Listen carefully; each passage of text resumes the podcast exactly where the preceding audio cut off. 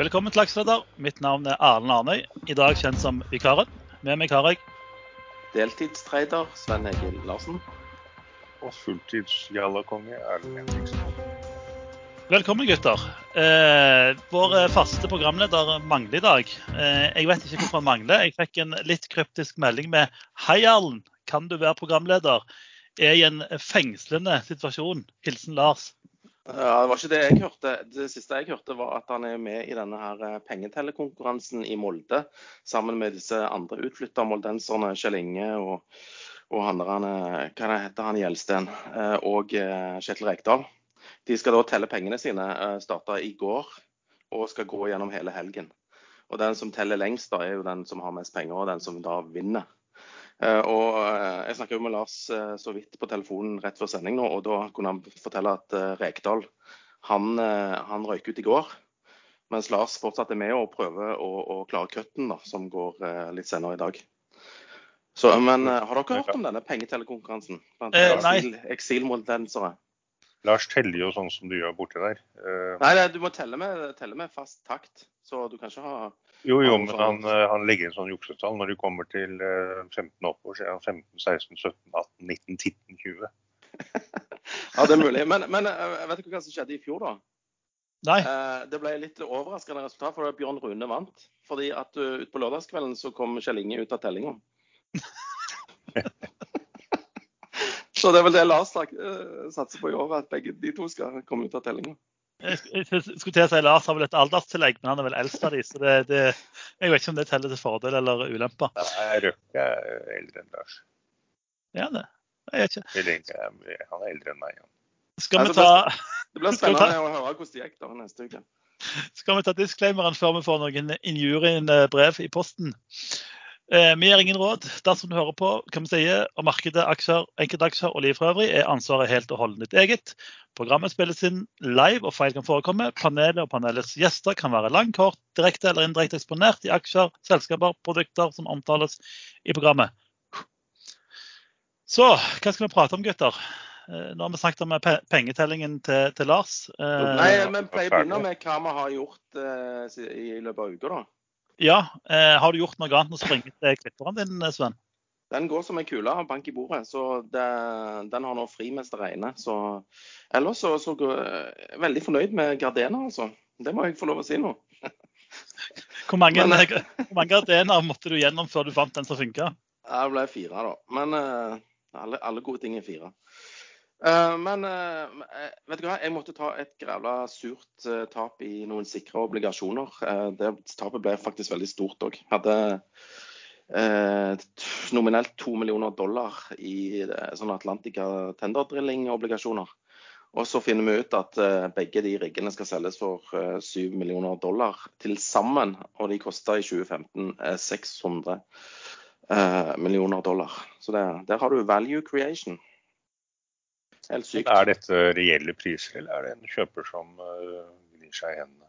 Uh, altså, det koster jo å ha rigger i opplag. Begge, de, begge riggene ligger jo nå Eller den ene er på vei til opplag, og den andre ligger i opplag. Det koster vel en sånn typisk 20 000-30 000 dollar til sammen for å bare drifte de. Så ja, prisen er jo altfor lav, men uh, og jeg tipper at det er noen som kjenner selskapet veldig godt, som da kjøper de og gnir seg i hendene da, hvis dette går gjennom. Du kjøpte Men, ikke riggene når de ble så billig? Hva sier du? Du kjøpte ikke du riggene selv når de ble så billig? Nei, For det første så er det kjipt å, å betale på disse stacking-kostnadene. Og for det andre så hadde jeg ikke 7 millioner dollar liggende eh, til det formålet. Altså, Men, ha, eh, hadde du kjøpt en skikkelig klipper med en gang, Sven, så hadde du sluppet å lagt ut så mye for nye klipper. Da hadde dette ordna seg veldig fint. Ja, mulig det. Men uansett, da.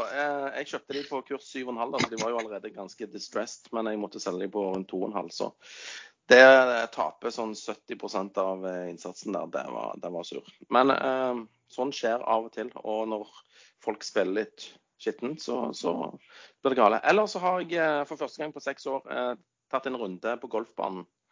Eh, det starta veldig bra med bra utslag, og eh, gikk nedover fra det, for å si det mildt. Så du har bra det var... utslag og ikke har spilt på lenge, da må du alltid eh, late som at du vrikker foten eller noe sånt og gå og sette deg bar under. Ja, jeg skulle bare Nei, men det var, det var ikke bar der. Så det, det... Det, Jeg skulle bare, jeg skulle bare kutte da etter første slaget. men det var jo første feilen, Sven. Altså, du må jo alltid spille på en golfbane med bar. Eh, og så er målet bare å spille ballen bort mot baren, så du kan gå og sette deg. Det, Ja, Problemet er at eh, Solastrand, altså Sola golfklubb eh, avdeling Solastrand de holder på å bygge nytt eh, klubbhus. Så det er ikke bra for øyeblikket. ja, det, det er nybegynnerfeil. Ja, ja. ja. Men eh, jeg fikk ikke lov å spille på den andre banen, for jeg hadde ikke godt nok handikap. Eh, Gjelder det mye handikap eller lite handikap? Ja, lite handikap. OK. ja, som, som, ja, som i samfunnet for øvrig. det. Men eh, nei, ellers har jeg gjort utrolig lite. Jeg har solgt nesten alt jeg har av aksjer. Jeg har bare litt sånn unotert igjen. eh, Halodi Robotics, eh, Petrolia Noco eh, og, eh, og litt sånn andre aksjer. Så eh, alt av børsnotert, inklusive Carbon og hva det heter dette her, Instabank og, og alt mulig. Det har jeg solgt. Noen grunn til du har solgt deg ut av alt, eller er det bare eh, nå smeller det snart, eller hva, hvorfor har du solgt alt? Uh, nei, fordi at uh, jeg er veldig skeptisk til markedet og har vært det lenge. Men, og er over, alle er jo enige nå om at markedet er overpriset. Til og med de som er bull, er jo, eh, sier jo at markedet er overpriset. Men det kan jo bli mer overpriset. Men jeg er bare litt sånn generelt skeptisk. Så da, av og til er det lurt å bare ta en tenkepause og se, se om noe skjer. Jeg, jeg sitter jo med en følelse av at det kommer til å skje et eller annet som jeg ikke har tenkt på. Og hva det blir, det vet jeg ikke helt ennå. Det kan jo være noe som gjør at børsene går rett opp. Det er eh, veldig mange som uh, egentlig er generelt eh, bull, men som sitter nå i mye cash. Og hvis børsene drar opp, så, så får man jo en fin sånn fomo på på mye penger. Det er jo morsomt at det ikke er Jalla-trenerne som får fomo og løper etter, men de seriøse store. Men, men jeg kjenner jo litt òg, for nå har jo børsen gått så sinnssykt bra i år og i fjor, året før, og egentlig ja, så lenge vi kan telle på ei hånd. Eh, og da er det litt sånn, skal man ta litt penger og, og puste litt i bakken? Men da trykkes jo penger hver dag, hver time, hvert minutt, hvert sekund. Så liksom, det er ingenting som tyder på at det skal ned, og bare de sier at eh, nei, vi vurderer, vi vurderer å slutte å trykke penger, så blir jo alt rødt. Så det Nei, jeg vet ikke. Det markedet er spesielt. Men eh, Allen Henriksen, hva har du gjort siste uka? Ja, jeg eh, måtte faktisk gå inn i nettbanken og hente fram trades siste uke. Og der er det tre, fire, fem, seks trades i to forskjellige aksjer. Så det jeg gjort. Det er eh, Carbon Transition. Jeg har eh, tatt tilbake litt i begynnelsen av uken, og de solgte jeg nå nettopp, faktisk. For da var det en som la ut en stor kjøpspost eh, som jeg egentlig ikke tror vedkommende ville ha fill på, så da fikk han mine aksjer. Ja, du, eh, du hintet til at noen prøver å pushe kursen, og så Ja, det har vært en pump der nå i et par dager, og det er jo ganske åpenbart at den har blitt pumpet opp fra Jeg kjøpte på 1,392 forrige mandag og ut på 1,58 i dag. Jeg syns det er ganske greit. eh, Grei fortjeneste. og Går den videre, så får man gjerne gjøre det. Og så kjøper jeg neste gang eh, jeg syns at det ser ut som at den kan dra videre. Om det er på ganske- 1,70 eller på 1,10, det er ikke så farlig. Du er ganske snill da, som eh, gir aksjer til de som vil ha. Er liksom, De som er trengende, de tar du og tilfredsstiller behovet til. Det er veldig bra. En fin egenskap, syns jeg. Snill i juli, men nå er det vel august, så da vet jeg ikke helt hvorfor jeg var det. noe annet du har handla, Allen? Ja, ellers så har jeg jo denne nakenaksjen min, da. Nakenlongen. eh, Naked Brand Group i USA. Det fine med den er at de gjør bare egentlig én ting. De har en nettbutikk. De har nå kuttet ut alt annet og gått 100% e-commerce, og der selger de Lingeri. Eh, Som en god investor så må man da gå inn og sjekke daglig hva de har i nettbutikken sin. Kan du, kan du gjenta det ordet? Lingeri. Hvordan man uttaler det, vet jeg ikke, men eh, det er noe med naked å gjøre i hvert fall. Eh, Kvinne, eh, kvinnelig undertøy, kan vi vel si på godt norsk. Av den Når du sø- skal, søte sorten. når du, når du skal handle julepresanger, går du da ned på Sten og Strøm og så sier jeg jeg skulle sett litt på noe sånn lingeri? Ja, det er da du får god service, for da skjønner de at du, du vet hva du snakker om. Victoria Secret, det står ikke 600 på reklamen, så lenger Lingerie. Ja, veldig bra. Men eh, du er inne og sjekker produktkatalogen til Naked eh, på daglig basis, da, eller? Ja, det kan jo være derfor jeg ikke har så mange trades om dagen. Men det, det er veldig mange forskjellige typer, og det er veldig mange sider på alle disse typene. og man, Skal man være en god investor, så må man kunne alle detaljer. Men har du meldt deg på nyhetsbrevet? Fordi at uh, Hvis du gjør det, så får du sikkert uh, mail om de nye produktene som er ankommet. Det har jeg faktisk ikke gjort. Og, Nei, det bør du gjøre, syns jeg. Det, det var... Jeg meg litt uproff her. Det var òg en nybegynnerfeil, faktisk. Så det, det, det, er bra. Så det, utenom Naked og uh, Carbon, noe annet du har handla? Eller har det bare gått i uh, surfing på nettbutikken? Nei, jo, jeg har jo en god del uh, ProSafe uh, som et vakuum-case. Uh, jeg har redusert litt i dag, men det er fordi markedet vet at det kommer det der til uken, så vidt jeg har skjønt, men jeg er litt usikker på hva de mener med record date og noen andre datoer, som de kaller det. Men i løpet av kort tid så kommer det opptil 5,5 millioner kroner eller aksjer som ble konvertert på en kurs helt opp tvangskonvertert. Bondlån som ble tvangskonvertert. Eller Prosef hadde en opsjon på å konvertere når de måtte ønske. Så det er jo markedet tror vel at alle de aksjene kommer ut i markedet, og så er det ikke sikkert at de gjør det. Eh, men når man handler på ren psykologi, så må man ta høyde for at markedet tror og håper og noen spekulerer i sånne ting. Og da er jeg redusert litt nå, men jeg skal nok øke en god del igjen. Det er to sånne eh, lån i Prosafe, bondelån, som blir konvertert til aksjer. Det ene på 25 kroner og det andre på 30. Og det er på 30 som er det største. Eh, det er vel 100, 122 millioner utestående. Ja, det er eid av Axis Production PTE, altså et sånn boligriggselskap som Prosafe fusjonerte med. Så de aksjene tipper jeg ikke kommer ut. Så da har du egentlig bare det lille lånet på 35 millioner kroner utestående. Men nå ødelegger du for meg, da, som uh, spekulerer litt i at markedet tror at de aksjene kommer ut. Å ja, sånn ja. Beklager det. Men jeg, jeg bidda jo på deler av den 35 millionersposten for å sikre meg aksjer på 1,50. Eh, Men selgeren var kjip. Han ville ha to blank. Men nå er det for sent. Nå vil jeg ikke ha de.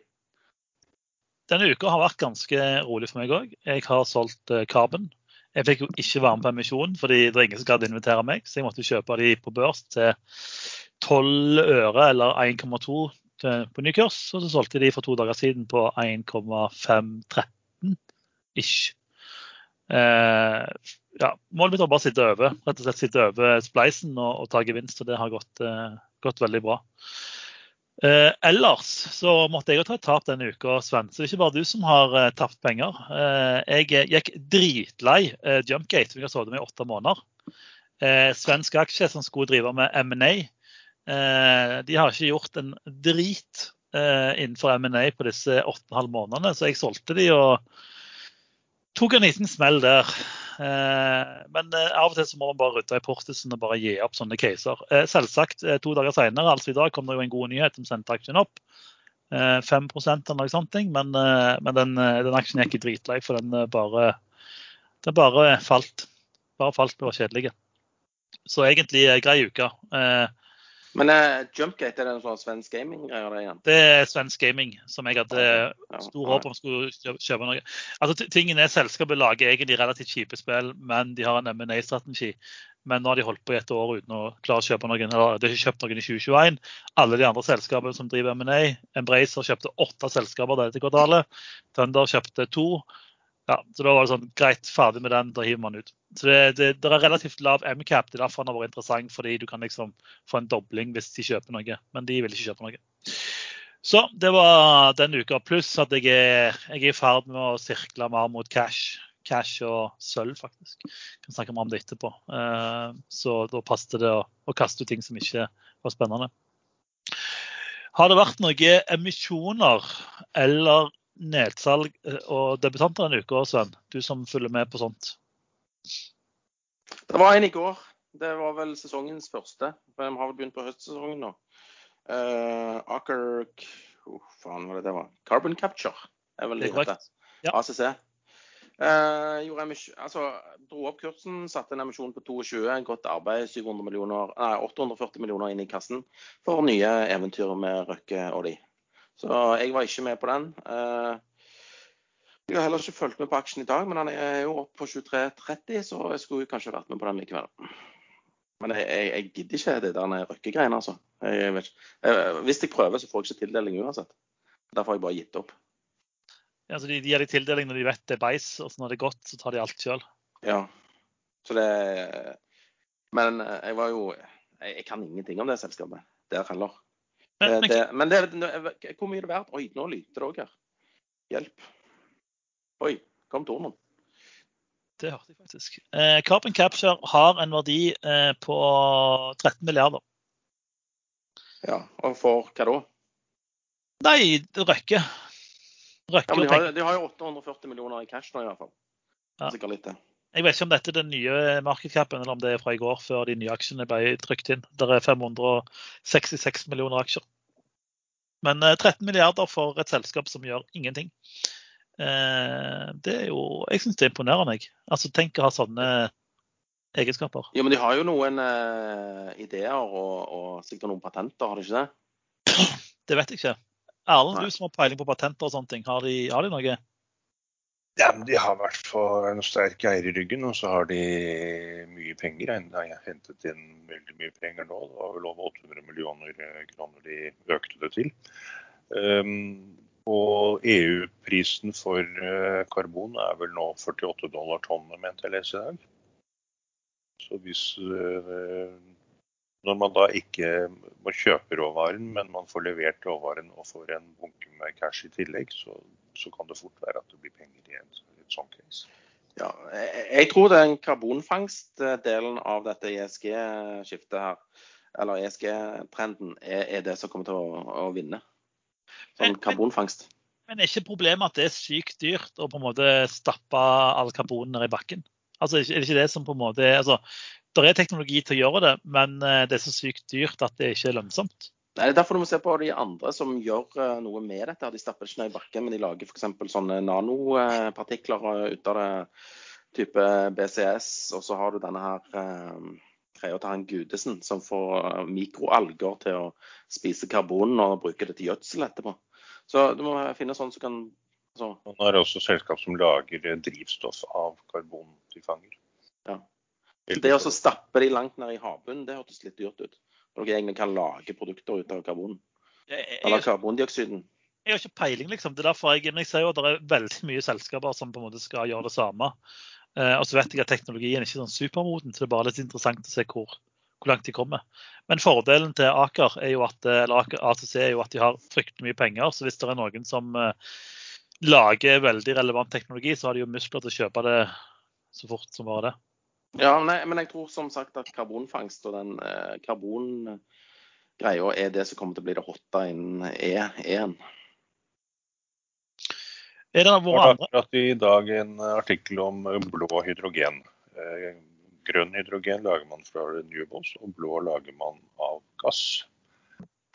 Kan man vel teoretisk lage på plattformene, og så kjøre hydrogenen inn til land med rørledningen. Men de fleste tenker vel motsatt. De kjører gassen til land, og så lager de hydrogen på land, og, og karbon tilbake. Men det var akkurat en, eh, faktisk en peer-reviewed eh, heter det, en sånn avhandling om, eh, om dette, og den konkluderte med at karbonutslippene fra blå hydrogen var vesentlig høyere enn selv å brenne kull for å lage strøm. Eh, Men den ble veldig kritisert av andre som er i bransjen, selv om de som har laget den rapporten, de er faktisk anerkjent og regnes som dyktige på sitt fagfelt. Så dette var litt overraskende.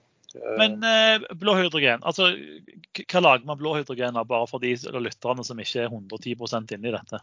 En Altså- prosess hvor man eh, forvandler gassen til eh, hydrogen. Og metan er vel også et av biproduktene. Og hva det gjør med metan, det vet jeg faktisk ikke. Det er ganske interessant. Nå ser jeg det lyner hos Sven, faktisk. Det det er ikke litt skummelt Sven, å være på, eh, på PC-en og, og lage podkast på fredag den 13. når det lyner noen kilometer ute i havet for boligen din? Nå hører jeg nesten ikke hva du sier, for nå regner det så store dråper her, og jeg har vinduet oppe. Men uh, Nei, det er ikke skummelt. Hva kan gå galt?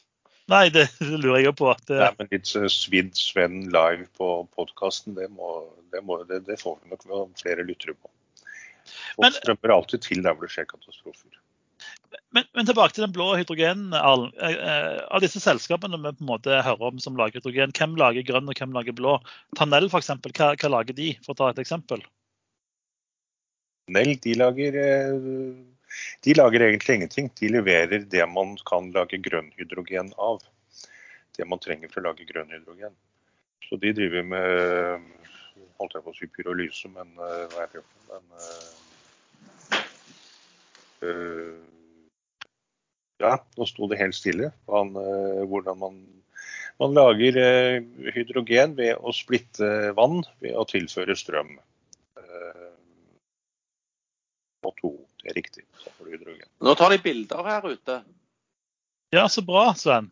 Er, du, du, vet at det går an å slå på sånn der med lynradar? Jeg har den på, jeg. Oi! Ah. Nå har han kommet til land, Sven. Han er faktisk han er bare et par kilometer fra deg nå. Ja, men eh, de, de tar, eh, bruker blitz her ute i, ja, det slo, her nå. Det slo ned i Borevegen.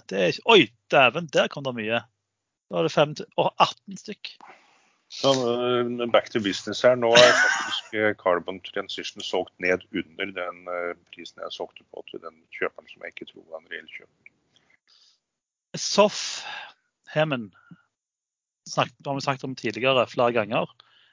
For Det var jo en eh, som eier masse aksjer der, som har lånt inn masse aksjer. Og Der har du fasiten nå, Sven, hva som egentlig har skjedd?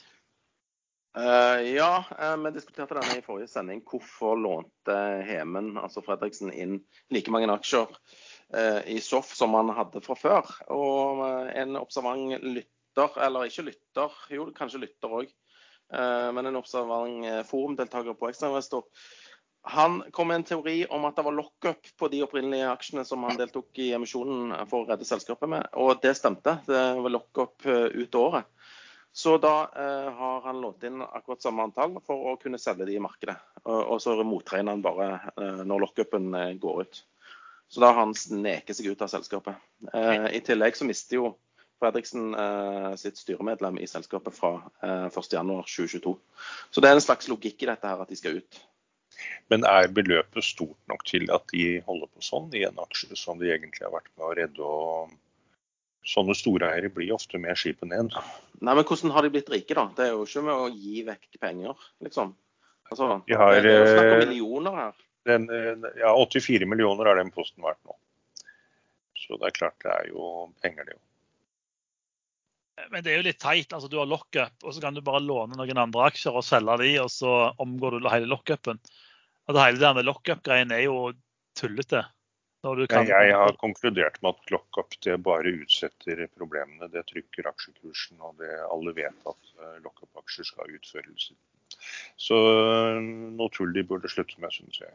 Og Dessuten er det veldig ofte at lockupene blir løst, og ut, løst opp og gjerne på litt sånne stygge måter, sånn at resten av aksjonærene får, får en sånn salg midt i trynet. Eh, man, lenge før man tror det skal komme. Man spekulerer ofte Som trader så spekulerer man litt i at det er lenge til de aksjene kommer, og posisjonerer seg deretter. Og plutselig kommer det en børsmelding om at et eller annet har skjedd, og sånn og sånn. Og da løser det opp og så kommer de aksjene i hodet den dagen. Og da taper man en del penger kutt ut lokk og lockup. Det er ingen som er tjent med det, som jeg klarer å se. Nei, jeg syns hele lockupen altså, Er det lockup, så bør det faktisk være en lockup. Ikke at eh, Nei, nei, nå endrer vi reglene for lockupen. Eller nei, vi bare lånte noen andre sine aksjer, og så låner de lockup-aksjene våre, og så selger vi de istedenfor. Så jeg syns det er ja, Hvis de klarer å lage det vanntett, så er det jo litt annet. Men uh, jeg mener fremdeles at det har veldig lite for seg i det hele tatt. Men det skulle jo selvfølgelig ikke vært lov å låne inn samme antall aksjer og selge de i markedet når man har lockup på de aksjene man har. Skulle vært eh, regulert i kontrakten. Ja, nei, jeg syns det er tullete. Eh, når vi snakker om klima, eh, mens Sven eh, regner vekk ute på kysten Det kom jo en relativt solid klimarapport fra FN, eller IPCC, denne uka. Er noen av dere som har lest, lest litt i den? Erlend, du liker sånt? Der har jeg faktisk stort sett bare lest overskriften og det jeg har fått med fra pressen. Det er et skritt på, på en lang vei. Eh, det man ser nå, det kan, kan godt være at det kommer en tilleggsrapport ganske kjapt, hvor mål og midler endres radikalt. For man må gjerne tro at de temperaturrekordene og skogbrannene man ser nå, at det er helt normalt og at det har skjedd før. Men eh, det har faktisk ikke gjort skjedd før. Det har aldri i historien, i moderne historie, vært så rask oppvarming eh, og så mange rekorder. Eh, man begynner å snakke to-tre millioner år tilbake for mange av de rekordene som settes nå.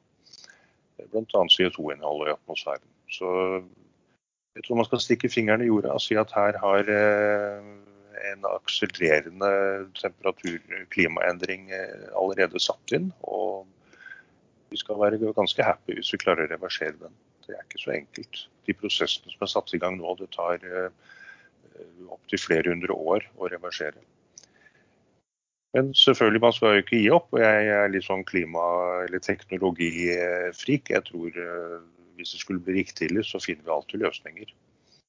Jeg leste en gang at man kan uh, fylle alle fly som finnes på jorda med noen sulfider uh, og spre det i atmosfæren, som gjør tilsvarende et lavautbrudd, som gjør at man da vil redusere temperaturen på jorda med et par grader i løpet av veldig kort tid. Så det finnes alltid muligheter. Uh, men kanskje vi skal prøve å være litt proaktive og å redusere alle utslipp så godt som mulig så fort som mulig, uten at vi trenger å endre så veldig mye på hvordan vi lever livene våre. Eh, og så slutte å ta den diskusjonen om elbiler egentlig er miljøvennlig, for det er egentlig bare bullshit. Det er, ikke, det er ikke helt sikkert at de er det akkurat nå, fordi det produseres ikke nok. Men alt som er i en startfase, det blir bare bedre og bedre. Jo flere som bruker det, jo mer man produserer. Og det var dagens miljøtale. Nei, det var, det var, bra, den. Jeg skulle eh, egentlig eh, du, du, snakket om å spre noe opp i atmosfæren. Eh, det er en, egentlig en film som Netflix lagde serie på, som jeg ikke husker navnet på. Hvor de gjør dette, og hvor de egentlig ender med å fryse hele jordkloden. fordi de, hadde, de skulle bekjempe klimaoppvarmingen med å spre noe i atmosfæren. Men jeg husker ikke navnet på han, så da kunne jeg ikke nevne det. Eh, for så vidt den Dette rapporten... er et sånn wargame som de kjørte allerede for 15-20 år siden. Hvor verdens fremste eksperter på det ene eller på forskjellige områder ble spurt om hva kan man gjøre hvis det blir kritisk.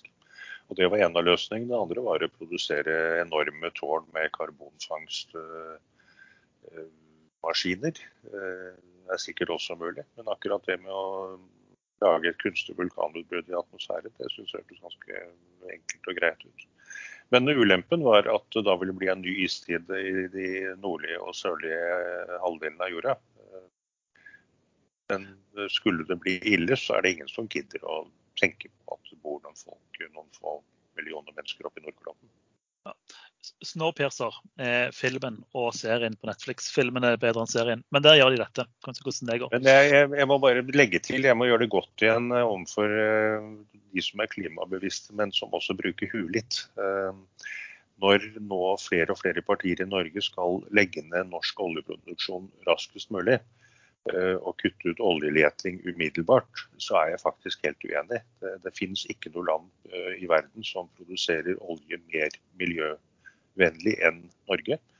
Eh, og Så lenge oljeforbruket er der, så er det ingen som tjener på at vi kutter ut vårt oljeforbruk eller oljeproduksjon, eh, for da vil andre øke. Og de spyr ut vesentlig mer CO2 både under produksjon og leting og forbruk enn det vi gjør.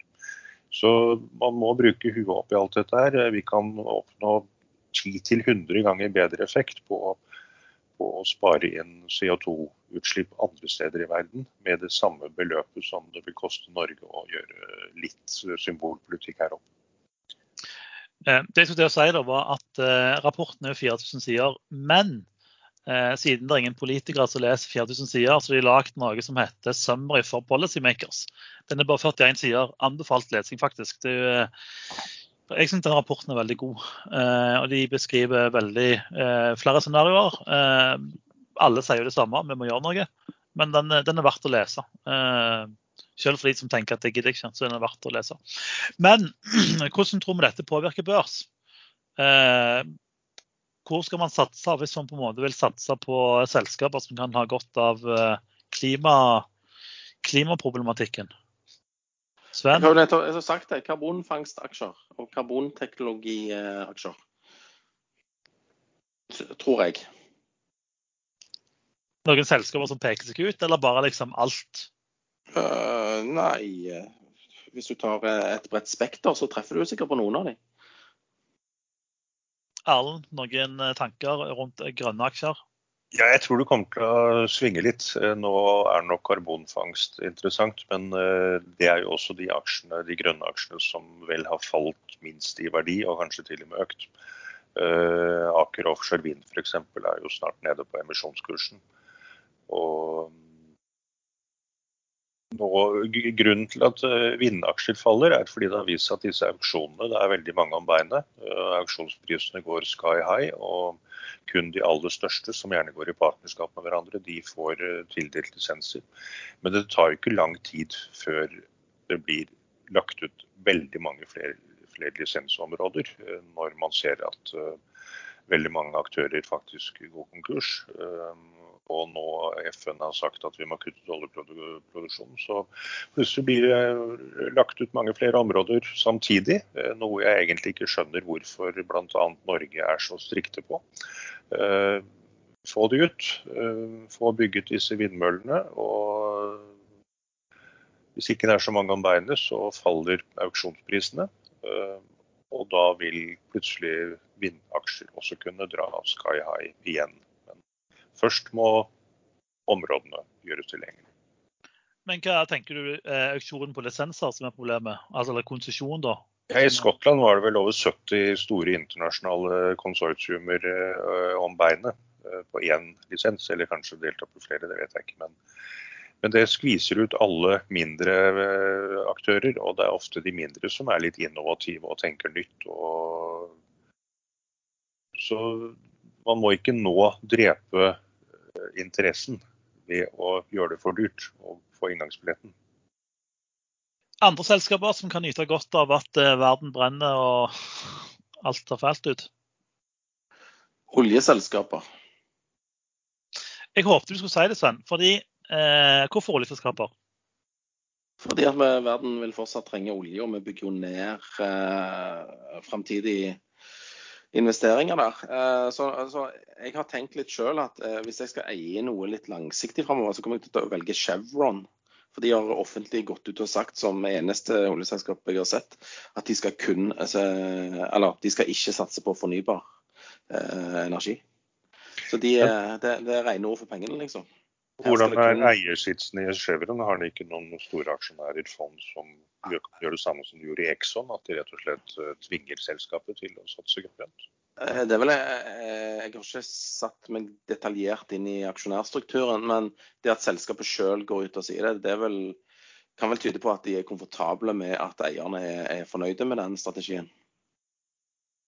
Det trodde sånn òg. De ble jo, det var en aksjonær med 0,02% av aksjene eller sånt. Så ja, ja, ja, ja. Men, eh, og det er det sikkert ikke Chevron òg, men da får de bare være tøffe, da. Og så ja, bare stå på hva er dette for noe?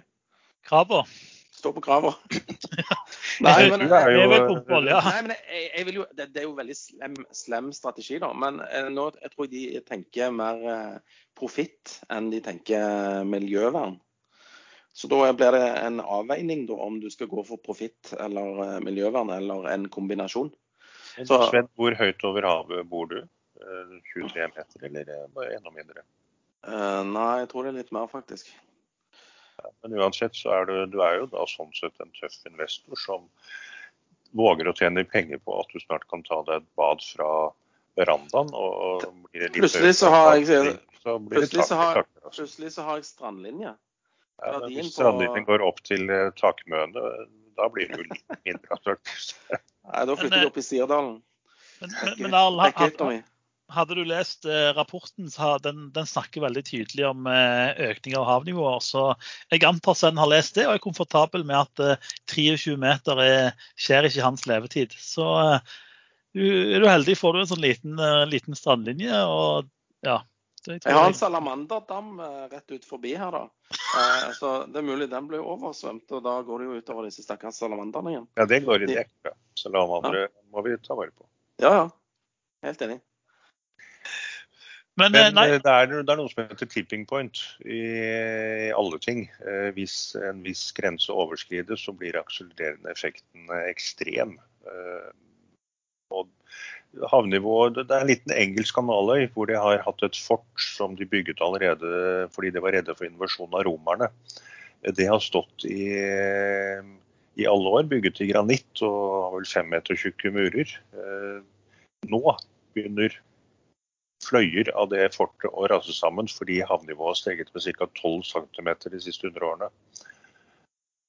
Og Det er litt sånn tegn i tiden at plutselig så begynner det å rase sammen. Har stått i 800-900 år eller enda mer. Og skogbranner i Sibir, hvor man egentlig, vi nordmenn tror det bare er eh, is og tundra. Men eh, det, det, skjer litt mye. Så plutselig så øh, utløses enorme lagre av metan fra under tundraen og steppene som permafrosten heter det. Og da er det ikke sikkert at det tar eh, 1000 år før havnivået har steget med tre meter. OK, men nå ble det veldig mye doom, doom det, gloom her. Ja, nå ble det mye her, ja det ble veldig mye doom og gloom. Eh, jeg skulle egentlig si at eh, jeg er egentlig litt enig med Sven. Eh, og, og, grunnen er, hvis vi, La oss se til Tyskland. Eh, du Henriksen har jo eh, mye relasjon til Tyskland. Eh, tyskerne ja. bruker jo kull for harde livet til å lage kraft. Og hvis man kan erstatte kullet med norsk olje, eller enda bedre norsk gass, så blir det et veldig hyggelig klimaregnskap. Så de som vil legge ned norsk olje og gass, dere har ikke skjønt det. Eh, og jeg tror egentlig at man kan få ganske bra utbytter i rene olje- og gasselskaper som ikke driver grønne ting, fordi alle skal slutte med det som er forurensende. Men klarer man ikke å ha eh, gass som er relativt grønt og olje, så er alternativet brunkull, og det er fryktelig mye verre. Så kan vi liksom ja, Men nå selv, selv Polen, som er eh på vei bort fra demokrati i rasende fart og omfavner kullet. Og det er jo fordi de har hele byer som er, eh, lever på disse kullbryting og kullkraftverkene. Selv de har nå vedtatt å stenge ned verdens største, er det vel, eh, brunkullkraftverk. I 2035, eller hva det er for noe. Ja, Tyskland har vel sagt 2038, men det er jo faktisk eh, 17 år til. Så det er jo lenge til.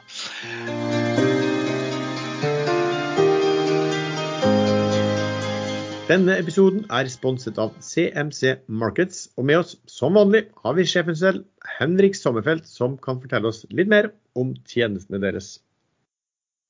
Takk, Lars. Jeg tenkte å ta litt på aksjetilbudet, vårt denne gangen. Ehm, vi tilbyr da aksjehandel med CFD-er i over 20 land. Ehm, totalt har vi over 10 000 aksjer tilgjengelig for, eh, for handel, pluss 1000 ETF-er. Over halvparten av ETF-ene og aksjene er amerikanske.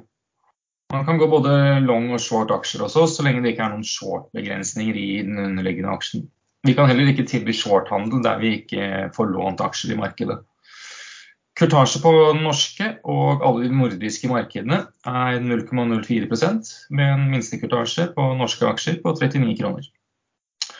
På amerikanske aksjer er strukturen annerledes da man betaler to cents per aksje.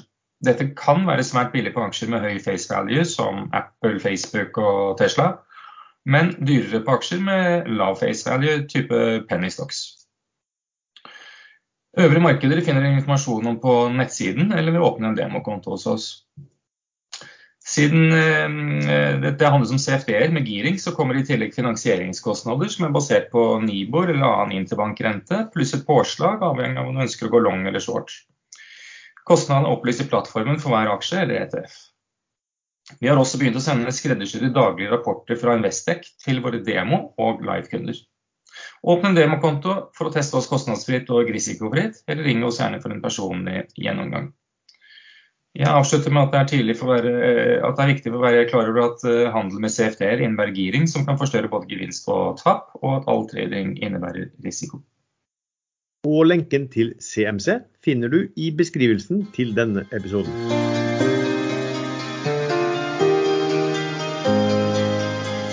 Eh, la oss snakke om noe hyggeligere. Eh, vi kan snakke om eh, tidenes største kryptoteori. Eh, det tenker jeg jo er hyggelig. Eh, nyheten kom denne uka. Eh, det er da noe som heter Poly Network, som ble utsatt for et hackerangrep. Hackeren stjal 600 millioner dollar i verdier. Og måten han klarte å hacke det på, var at hele denne gruppa som, som utvikla denne løsningen, de hadde da felles passord til lommeboka. Så når han fant ut det, så var det en enkel jobb. Eh, det som gjør historien litt morsommere, er at han kunne egentlig stjele, stjåle verdier for eh, en milliard dollar. Men det gadd han ikke, fordi det var bare sånne altcoins. Eh, og Det var så tungvint å, å overføre. Og så tenker vi, ok, Det er jo en skikkelig kjedelig nyhet, men så fant han ut han skulle levere tilbake igjen. fordi målet for å stjele det var bare for å vise at sikkerhet er viktig. Men Sven, har du funnet fram passordet ditt og prøvd deg på noe kryptotrading igjen, eller er du forsynt etter forrige runde med Ethereum? Nei, jeg, jeg følger ikke med på den der kryptogreien lenger. Det er så volatilt, og jeg skjønner ikke hvordan dette skal kunne brukes til noe fornuftig. I hvert fall ikke dette bitcoin-greiene. Ethereum eh, derimot tror jeg har litt tro på pga. Eh, at du kan bygge noe rundt det og kunne kan, Men det er volatil, den òg, da. Så jeg forstår ikke hvordan du skal kunne bruke dette her. Altså, gå på butikken og kjøpe en liter melk. I dag koster den 17 eh, kroner, og i, i morgen koster den 34. Det er liksom Det er ustabilt. Hvis du skal betale med sånn krypto, da, i hvert fall. Sånn sving. Hvorfor svinger det sånn? Du kan jo dette kryptogreiene. Det svinger jo altfor mye. Ja, foreløpig svinger det, eh, men det svinger jo mindre og mindre. Altså, tingen er jo at jo mer bruk det blir, jo mindre svingninger er der. Eh, de som på en måte har drevet med krypto i årevis, de ønsker svingninger, for det er jo klart å tjene penger. Men svingningene blir jo mindre og mindre. Eh, selv om det fortsatt er store utslag. Eh, spesielt på Ethereum, hvor du har alle disse NFT-ene, non-fungible tokens, eller digital kunst, som eh, jeg så en avis eh, prøvde å kalle det. Eh, men jeg tror eh, ettersom krypto blir mer og mer regulert, så, så blir, det, blir ikke det et problem at prisen svinger så mye. Men du da, Erlend, har du begynt Du hadde noe krypto tidligere. Er du ennå i kryptoverdenen? Nei, jeg kjøpte noe langt tilbake som ikke på topp, men på vei opp. Og ble sittende over toppen og langt, langt, langt under inngangspris. Og de, de er jo nå godt over inngangsprisen. Men jeg gjør ingenting med det. Jeg bare sitter med dem. Jeg har vurdert å øke, men som så ofte i andre aksjer og sånn som jeg følger med på, som begynner å stikke, så liker jeg ikke å løpe etter når det har gått for langt. og så går de bare videre og videre og videre. Men uh, nå trodde jeg bitcoin skulle falle til rundt 20 000 dollar. Hadde den gjort det, så hadde jeg kjøpt. Men så var den plutselig på 45 000 igjen. Forferdelig irriterende ting å. Ja, jeg var heldigvis sånn. Eh, jeg var heldigvis så heldig at jeg eh, kjøpte litt når det dippa. Så jeg jeg nyte oppgangen. Men uh, har dere sett noe på dette NFT-greiene, eller digital kunst? Eller har dere skjønt hva det er for noe? Er det du som du limte inn et bilde nå i tradingchatten? Yes, yes, har du kjøpt, har du nei, kjøpt jeg, det bildet? Nei, jeg har ikke kjøpt det. Dette er har, du kjøpt, har du solgt det? Nei. Dette er et bilde av uh, en uh, NFT. Et digitalt bilde. De kalles Pudgy Penguins. så de som er i, i tradingchatten på Ekstra Nøster nå, de ser et bilde. Kan ikke du beskrive bildet, Sven? Ja, det, en, eh, det, ser ut som det skal være en pingvin med genser og en, eh, en sånn trollmannhatt med stjerner på. Det er jo Også, så, så ser det litt sånn ut. Arne ser ut. Vet, vet, dere hva, vet dere hva disse Det er da x antall sånne pingviner. Alle er unike. Vet dere hva disse koster? det kan ikke være mye. Nei, Hva tror du folk betaler for disse pingvinene nå? Det er ikke mer enn 100 000 dollar. Ja. Hva tror du, eh, Henriksen? Jeg kan svare på en litt annen måte. For noen år siden så var det sånne katter og andre dyr var det vel som Kryptokittens, ja. kittens, ja. Hvordan gikk det med prisene på, på, de? Ja, De gikk jo opp. Men uh, nå er det pingvin. Gikk opp, ja, Men uh, hvordan er de nå? Det vet jeg ikke. Men uh, Det er ingen som snakker om det lenger, så Disse pudgy, pudgy penguins heter de. Hva tror du de går for? Nei, eh, 10 000 dollar. Ja. Ja, nei, det, det, det, Dere er jo jeg synes dere er optimistiske. Eh, jeg tror den billigste nå ligger på 3,5 Ethereum. Så det vil si eh, Hva ligger Ethereum på nå? 30 000? 30 000 dollar, ja. Ja, altså Ca. 100 000 kroner for bilde av en pingvin med flosshatt eller Ja, det, Jeg har det er en, troll, det er en, troll, det er en trollmannhatt. Jeg, ser, jeg kjenner igjen trollmannhatter trollmannhatter når jeg ser dem. Ja, så eh, prises som kunstmarkedet, eh, så må man prøve og Da må man vite hvorfor kunstmarkedet prises så høyt som det gjør. Det er jo Men du- at en Munch eller eh, Picasso skal gå for 200-400 millioner dollar. Eh, Vet dere grunnen til det? Det er vel eh, mangelvare. Altså, da, disse her pingvinene lages jo det er åtte, Jeg vet hvor mange det er, men det er kun én av hver. Og den som eier den, eier den jo på Det er, Ethereum. det er egentlig ikke derfor prisene går opp. Det er fordi eh, de som har veldig mye penger, eh, de plasserer pengene sine i kunstverk. Om det koster 400 millioner dollar eller 30 millioner dollar, det spiller egentlig ingen rolle. Eh, Det er en eh, skattefri visstnok investering for de superrike. Som, eh, så de flytter bare egentlig penger rundt blant de som trenger og sylter ned litt penger en periode. Så det er egentlig, det skal, det skal ganske mye til at det markedet krakker. Og hvis det er sånn med disse hva du kaller det for, NF, NFT, de har kommet seg inn i det markedet, eh, så, så vil prisøkningen sikkert bare fortsette. Ja, nei, jeg vet ikke. Jeg, eh, jeg skjønner ingenting av prisinga. Men uh, det er jo relativt mye penger i verden. Så at uh, folk bruker penger på pingviner, det, digitale pingviner, det er helt innenfor. Um, når vi snakker krypto eh, Det var jo en sending for DLT X. Noen som så den? Vil prate litt om DLT? DLT, det er den gamle um, Element. IG. IG. Ja, de var vel IG, Ja. så ble de Element, så ble de DLT. Hva er det de driver på med nå? Nei, de, jeg tror, eh, Det virker vel egentlig som de er et investeringsselskap som investerer i selskaper som har ulike kryptoaktiviteter. Eh, De har investert i et selskap som driver en eh, bitcoin-farm. Nå skal de investere i en sånn selskap som driver en eh, filecoin-farm. Så det er jo et investeringsselskap, egentlig. Failcoin, er det F-A-I-L, eller er det File, file, Ah, ja, som i fi, fil. For det, for det hadde vært litt kult å ha en coin som heter failcoin. Failcoin. Ja, er, ja, det kunne vi lagt. Så får du, du, du får, du, du får failcoin hver gang du taper penger på børsen. Ja, eller, eller et eller annet sånt. fordi at, eh, ja, ja, men det lå jo i navnet at det skulle gå til helvete, ikke sant? Så vi har jo ryggen fri. Jo, men det er jo laget eh, allerede. Det var noe som het Ponzi-coin. Jeg tror det var noe som het Pyramid-coin også. Ja, den der Dogecoin, den er vel òg litt sånn. Eller Dogecoin. Doge, Doge. Den, er, den har gått veldig bra fordi Elon Musk pumper den. Men der er, vet hva, der er sykt mye, der er så mye rare coiner. Det er faktisk coin som vi ikke kan uttale navnet på her, fordi det, er ikke, det egner seg ikke for eh, små barn. Så Ja, eh, jeg husker eh, for eh, 2017, da kom Spankcoin. 2018-2017. ja, da kom, da, kom, da kom, coins med verre navn enn det, for å si det sånn. Ja, men Eh. der var egentlig ideen ganske bra. Det var for å gjøre da prostituerte og strippere uavhengig av hallikene sine. Istedenfor å få leve på penger, så de, kunne man betale dem i spankcoin i stedet. Hvorfor vet du dette? Erlend? Jeg investerte i spankcoin. Jeg tradet Spancoin. Ble Jeg tjente faktisk ble det bra Nei, jeg, jeg, jeg, jeg kutta helt ut i begynnelsen av 2018. Og da, etter det, Det er veldig umoralsk, føler jeg. Nei, det, jeg syns det er faktisk høy moral å støtte undertrykte og utnyttede mennesker. Ok. Ja, ja, du har jo vist eh, dine barmhjertige evner litt tidligere i programmet òg, med å gi aksjer til trengende. Ja. Så, Trengende som ikke trengte. Men eh, OK, da har det Spankcoin. Eh, Arlen Henriksen 2018. Notert. Eh, skal vi prate litt om eh, sånne inflasjonstall? Bare for å ta noe hyggelig, noe som stiger. Nei, jeg vet ikke hva, nå syns jeg vi har eh, rota så langt inn i skauen her at uh, det er ingen vei tilbake. Akkurat som disse miljøgreiene til Erlend. Han mener jo at det er ingen vei tilbake.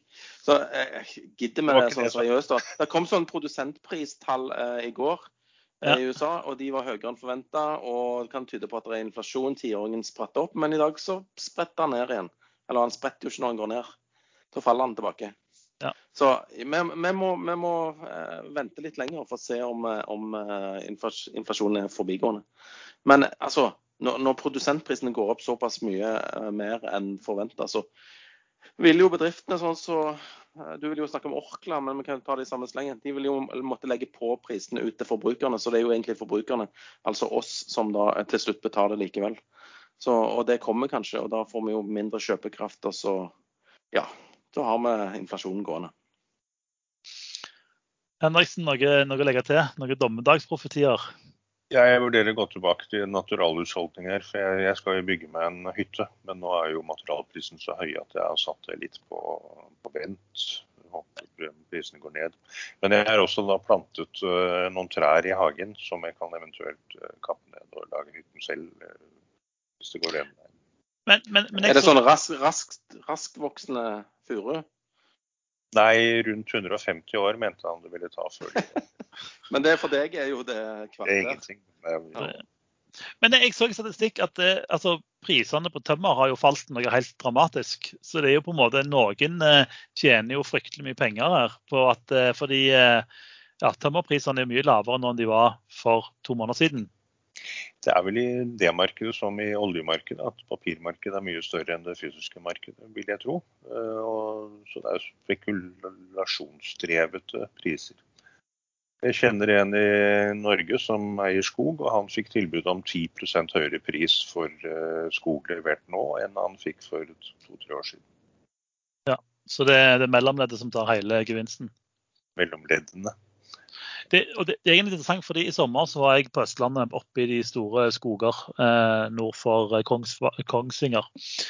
Og Der ligger det et par sånne sagbruk. Eh, og de, Det var så mye ferdig kutta tømmer der at eh, det var så vidt plass på oppstillingsplassene. Da tenker jeg at denne eh, tremangelen som de griner om, den virker veldig, veldig eh, konstruert. Men prisene er jo fortsatt steinhøye. Så synd for de som skal bygge hus og hytter, tenker jeg. Eh, vi har fått noen spørsmål òg, eh, og da kan vi være litt seriøse på slutten. Eh, jeg har fått spørsmål, eh, Vi har fått kritikk, faktisk. Eh, det er ikke så ofte vi får kritikk. Eh, Iallfall ikke vi som bare sitter på innbytterbenken. Men eh, 5PG, Fifth Planet Games, eh, har jeg jo egentlig eh, har ikke vært megapositive om selskapet. Men der kom det jo en eh, ekstremt overraskende nyhet.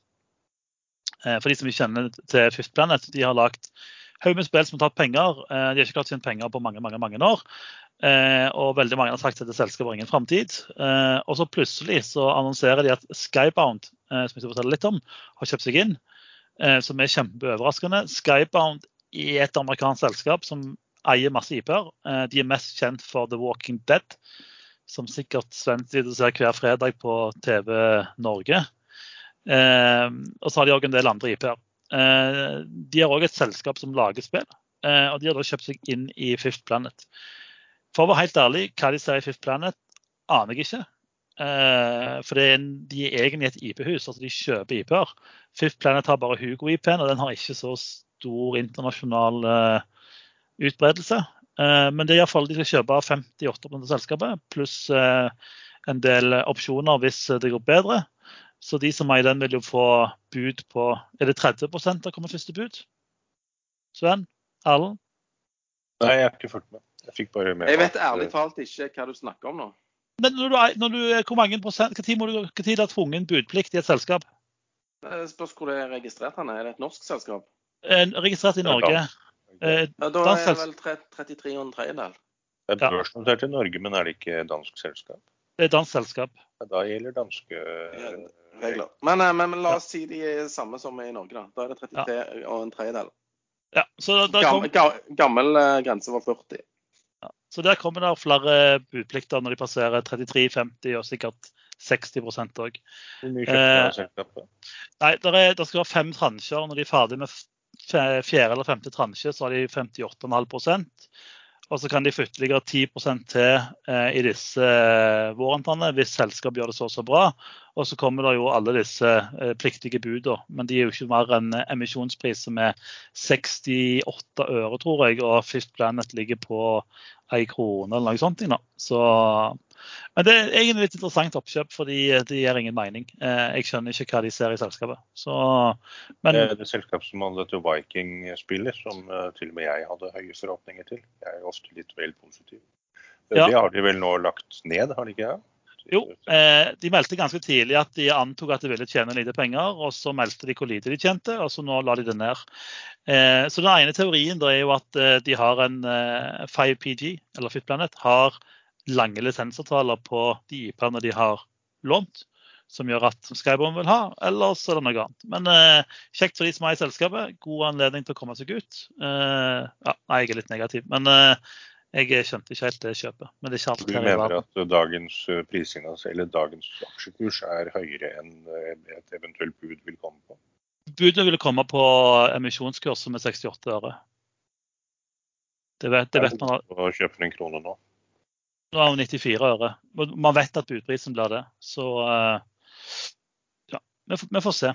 Jeg, jeg, ja, de som har troen, får kjøpe, de som ikke har troen, får selge. Skal vi prate om noen uh, andre selv? Jo, MPC Energy Solutions, Sven. Den uh, vil du prate litt om. Jeg ville jo ikke det. Jeg ville bare være grei mot uh, Lars, da, for han eier jo den aksjen og maser hull i hodet på oss at, at den treide under kontantbeholdningen. Så, men de, de, meldte for noen dager siden om at de setter i gang med et sånn solfarmprosjekt. Solparkprosjekt i, i Sør-Amerika eller Mellom-Amerika, jeg husker ikke helt om det var, hvilket land det var. Men det var langt, langt borte. Mye sol der i hvert fall. Men eh, så eh, for alle som liker aksjer eh, som handles under cash-beholdning, så ta en titt på MPCES. Denne meldingen er sponset av Lars Brandeng Det, det, du egentlig sier, er at du prøver å hjelpe Lars å vinne den tellekonkurransen oppe i, oppe i Molde? Jeg tror ikke han har sjans. Det må det, Men det må en tellefeil til for at han skal, skal, skal kunne vinne.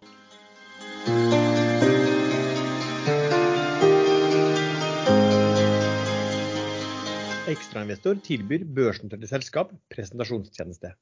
Vår kundeliste av børsnoterte selskap er nå kommet opp i 50 stykker, og antallet er økt med over 90% de første syv måneder av 2021. Hydrogenselskapet Hynion kommer tilbake til ekstrainvestor nå på mandag. Hynion var sist på besøk hos oss dagen før selskapet debuterte på Euronex Growth i april. Selskapet hadde en av de mest spektakulære introduksjonene, med en kursoppgang på over 60% den første dagen. På mandag 16.8 kl 08.30 presenterer selskapet status etter første halvår. Det blir mulighet til å stille spørsmål underveis, eller sende spørsmål i forkant til sd.hynion.com. Du kan se sendingen på incurate.com, der det er helt åpent og ikke krever noen innlogging, eller på Facebook. Lenken til Incurate finner du i beskrivelsen til denne episoden. Det har også vært stor interesse for kryptoselskapet DLT denne uken. Etter onsdagens melding om at de går sammen med Genesis Global Capital for å utvikle en Filecon-fasilitet i USA. Selskapet presenterte i går eh, prosjektet via ekstrainvestor i en 20 minutters lang sending, der de også svarte på spørsmål. Du kan også se opptaket av dette på Incurate og på ekstrainvestors Facebook-side. Dersom du er interessert i presentasjonstjeneste via ekstrainvestor, ta kontakt på info at ekstrainvestor.com.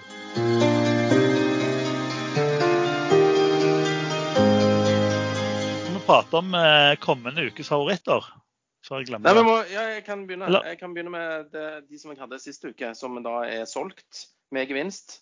Den første var Instabank, eh, et bet på gode tall. Eh, den gikk ganske bra i forkant av tallene.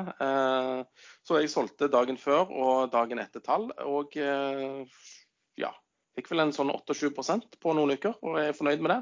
Jeg er ikke så veldig kravstor. Eh, og så har vi den Havila kystruten som jeg nevnte òg sist uke, som jeg sa sikkert kommer til å gå opp mot emisjonskurs på 25,5. Og den gikk til 25,5 og snudde litt der, og ligger nå på 24 Nei, litt under 25. Så han, han stanger inn litt imot den uh, emisjonskursen som jeg da uh, trodde den ville. Uh, så den er jeg òg ute av med en OK gevinst, litt mindre enn i, i Insta. Pang, der kjøpte vi litt aksjer i et selskap. Uh, som jeg faktisk skal snakke om, eh, som heter Bergen Carbon Solutions. Eh, jeg tror ikke det er Bergen Carbon Solutions, for alle aksjer med Bergen i navnet pleier å gå til helvete. Så jeg, jeg håper jeg står for Bergen, og ikke Bergen.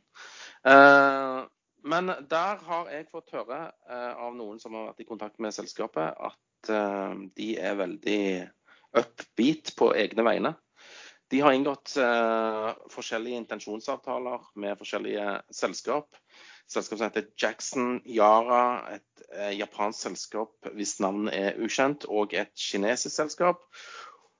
I tillegg til et prosjekt i Antwerpen og Rotterdam. De, de lager jo sånne granulat eller noen sånne nanofiber ut av den karbonen de tar og fanger og, og omforedler. Og, og, Det er visstnok en veldig spennende teknologi. Men det som jeg har fått høre, det er at eh, det går rykter om at disse loiene, eller i hvert fall én av loiene, blir til en firm kontrakt. Og da kan jo den aksjen sprette opp eh, et stykke, vil jeg tro. I hvert fall derfor jeg har kjøpt aksjer. da. Og så kommer de med, eh, de kommer med tall den lurer på om det var 25. august, så kanskje det kommer en oppdatering på ting og tang rundt eller rett før det. Så det, det, er en trade. Det er ikke noe liksom, eh, jeg har tenkt å eie i årevis. Men uh, som et lite spill på at de, at de faktisk får en firm avtale. Og Et annet selskap som jeg òg uh, kikker på, det er noe så kjedelig som Bellships. De kommer med tall på onsdag. Kommer til å bli knallbra tall. Fordi at uh, ratene på disse bulkskipene, Supermax-båtene deres, har vært veldig høye, mens kostnadene er relativt lave. Og de kommer til å fortelle om utbytte utbyttepolitikken sin fra eh, Q2. Og hvis de da begynner med relativt høye utbytter, så tror jeg vi får en eh, kursøkning også der. Det er en kort trade fram til og med tall. Det var de to jeg hadde. Det var tre, faktisk. Eh, ja, det var to. OK. Henriksen altså, har BCS og eh, Bellships. Ja, du snakket bare så lenge, det var kanskje derfor. Fy faen. Få tilbake Lars. Ja. Jeg var inne på shipping her. Yin Hui. Yin. JIN Ticker. Yin and tonic. De har vel nå snakket om det, det er jo opp masse, masse prosent i dag. Og de har uh, snakket om et rekordhøyt overskudd. Men der er det vel på sin plass å advare mot at disse rekordhøye overskuddene gjerne plutselig pleier å forsvinne i en eller annen intern deal i selskapet. Jeg tror vi skal være glad for at Macau er stengt og har eh, sånne eh, covid-restriksjoner. Så ellers hadde gevinsten nok tatt eh, den veien. Ja. Er du sikker? Jeg trodde de åpnet, jeg. Ja. ja, ja, de er åpna. Jeg skulle bare være morsom. Aha. Ja, det er nok eh, Hongkong hesteveddeløp. Det er jo big business. Og Macao eh, kasino. Men det skjer jo hver gang inn. Eh, gigantisk overskudd. Plutselig så er de bare borte. And it's gone. Og så finner de på at de skal investere i eiendom i en eller annen eh, kinesisk by da, istedenfor. Og der er det vel nok å ta av etter hvert. Ja. Du kan få hele byer, faktisk, har jeg hørt. Men sånn teknisk sett så ser jo den aksjen litt morsom ut, da, men jeg tør ikke å ta den. Den ligger og bryter den opp, så kan plutselig doble seg. Sånn, teknisk sett. Favoritter for uken som kommer? Jeg eh, holder jo videre med Prosafe og ja, akkurat nå inn en kjøpsordre på Naked litt lenger ned enn der jeg har snittet mitt. Eh, det er nå 20. 20. august, det er neste fredag. Da har de generalforsamling, og jeg tror de kommer med en oppkjøpt-news før det. De har full kasse og null gjeld. Men eh, jeg er ikke helt sikker på om de også kommer med tall samtidig, og det er ikke sikkert at de tallene er så bra, så det kan godt være at de får seg en knekk hvis, hvis dårlige tall kommer før oppkjøpsnyheter. Men at de skal ut og handle nå, det er jeg ganske sikker på. Så jeg fyller på litt hver gang den ramler. og Så får vi se hvordan det går. Jeg orker ikke å trade i US. Det er derfor jeg prøvde å finne en aksje som er litt sånn kursgruset av forskjellige grunner, og markedet ikke helt har tro på at de klarer å snu seg rundt ennå. Tredje US, da må man da sitte etter at børsen stenger i Oslo og fram til klokka ti om kvelden eh, for å trede fulltid, og det orker jeg rett og slett ikke. Du gjør vel heller ikke det, Sven? Kun i unntakstilfeller tredje jeg i USA. Da skal det være litt sånn spesielle ting og spesielle case som jeg driver på med. Sånn type H2O eller Frey eller noe annet. Jeg gidder ikke det der jallakjøret som mange andre har begynt med. Og det er sånn typisk topptegn. Folk springer etter den ene aksjen etter den andre uten å vite hva de egentlig holder på med. Men eh, det er fordi de går den ene eller andre veien. Så da, ja, det er et herlig marked. Det høres ut som du er fryktelig eh, mye eh, lite cash nå. Du begynte sendingen Nei, i jeg cash. er mye, mye, det var derfor jeg sa jeg er deltidstrader. For jeg gjør for lite for tiden. Sitter Ja. bare og venter. Nå fikk jeg kjeft, nå fikk jeg kjeft at uh, sluken ute òg var tett. Så nå må jeg ta en dugnad der uh, etterpå. Jeg er jo litt enig med Sven, bortsett fra at jeg ikke gjør det samme som han. Jeg er fullinvestert, men, eh, men plutselig kommer det en ordentlig smell i markedet. Det, det er jo Det, jeg, jeg er jo ikke helt eh, 100% cash. Altså, jeg har jo kjøpt sånne eh, Bergen, Car Bergen Carbon Solutions og eh, sånne Bell, Bellships. Og så har jeg litt sånn unotert snacks som jeg ikke kommer til å selge. Jeg kan jo eh, kjapt ta, ta mine favoritter. Jeg har jo òg gått ganske mye cash. Eh, hadde jo en teori om at eh, økt inflasjon det må jo være bra for edelmetaller. Eh, men eh, noen eh, Wall Street-banker fant ut at la oss bombe pris på gull og sølv. Så sitter med en posisjon der i et svensk fond. Eh, Augage Silver Bullet. Du har blitt langt med andre ord, fordi det er Nei, jeg, Så, så hei, hei, sa du Jeg- svensk fond? svensk, svensk fond. Eh, jeg, jeg skulle være lang hele tida, men nå har jeg blitt ekstra lang. Eh, men men jeg, jeg har faktisk en tro på at eh, de prisene skal opp eh, etter hvert som inflasjonen eh, eh, ikke er transitory, eller hva de sier. Eh, og så tok jeg en liten post i Acastor. Men eh, det er så lite volum at eh, vær forberedt på ikke å komme deg ut igjen hvis du prøver å følge etter meg der. Ellers sitter jeg mye cash fordi jeg, jeg syns alt er dyrt. Jeg syns det er veldig mye vet ikke, pumping. Eh, så, så jeg syns cash, cash er bra. Og så har jeg jo disse unoterte som går rimelig greit. Da eh, skal vi prate om noe annet, gutter, eller skal vi eh, rulle inn og Jeg avslutte tror sendingen? Jeg avslutte nå, fordi den oversettelsesappen min den funker ikke lenger. Så jeg skjønner nesten ikke hva dere sier nå. Men nå hørte jeg jo akkurat at Sven heller ikke skjønte hva du sa, så det er tydelig Det er ikke bare de som ikke bor der hvor dere ikke skjønner hva dere sier. Da takker vi for at du har hørt på denne dagen denne episoden av Aksjesladder. Eh, følg oss gjerne på Twitter, og Facebook og andre sosiale medier. Vi er òg eh, tilgjengelig på Ekstranestor i tradingchatten der. Veldig fin plass å diskutere aksjer. Musikken er som vanlig lagd av kjass.com. Ha en fin helg.